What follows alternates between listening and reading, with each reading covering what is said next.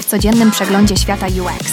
Każdego dnia przeszukuję najpopularniejsze artykuły z ostatnich 24 godzin, aby dostarczyć Ci najświeższe i najciekawsze informacje. Przygotuj się na krótkie, ale treściwe podsumowanie najnowszych trendów i innowacji w User Experience. Gotowi? Zaczynamy!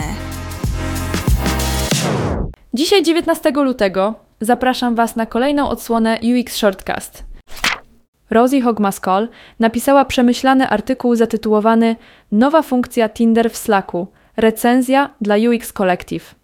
W artykule Rosie analizuje, jak Slack, który jest czymś w rodzaju usprawnionego e-maila dla miejsc pracy, rośnie w siłę jak pożar, szczególnie po tym, jak Salesforce kupił go za ogromne pieniądze. Klienci wydają na niego coraz więcej, ponieważ zaczyna się od darmowej wersji, która wciąga zespoły, a zanim się obejrzysz, płacisz, aby zachować historię czatu.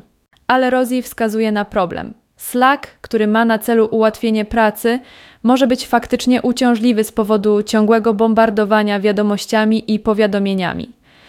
To ironiczne, ponieważ Slack twierdzi, że chodzi o zwiększenie produktywności, ale czasami wydaje się bardziej fabryką rozproszenia uwagi.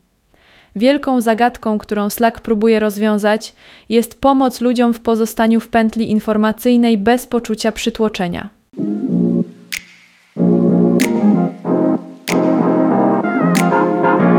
W artykule Dlaczego rządowi nie wychodzi pracować z technologią? autorstwa Megan Rashid zagłębiamy się w bałagan, jakim jest proces aplikowania o FAFSA Federalna Pomoc Finansowa dla Alimentacji Studenckiej przez studentów.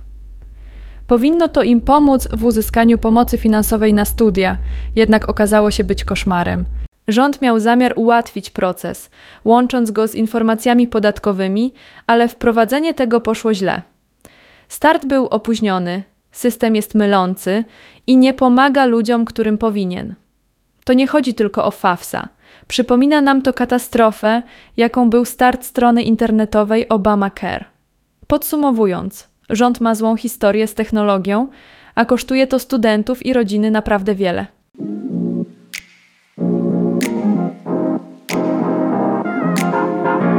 Rita Kind Envy z UX Collective napisała intrygujący artykuł zatytułowany Czy można zaprojektować arcydzieło przy pomocy SI, który zagłębia się w przecięcie sztuki i technologii. Artykuł zastanawia się, jak Caravaggio, słynny malarz renesansu, mógłby używać narzędzi takich jak maszyna perspektywiczna czy kamera obscura, aby stworzyć jego ikoniczne malowidło Meduza – techniki, które niektórzy mogliby uznać za wczesne formy oszukiwania. To porównanie nasuwa pytanie współczesnym twórcom: czy sztuczna inteligencja może pomóc nam tworzyć trwałe dzieła sztuki? Autorka sugeruje, że chociaż SI rzeczywiście może pomóc w procesie twórczym, debata na temat tego, czy może ona wytworzyć ponadczasowe arcydzieło, pozostaje otwarta.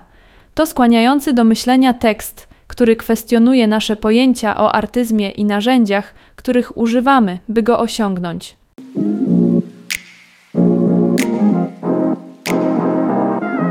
Dziękuję za wysłuchanie i zapraszam na kolejną dawkę wiedzy już jutro.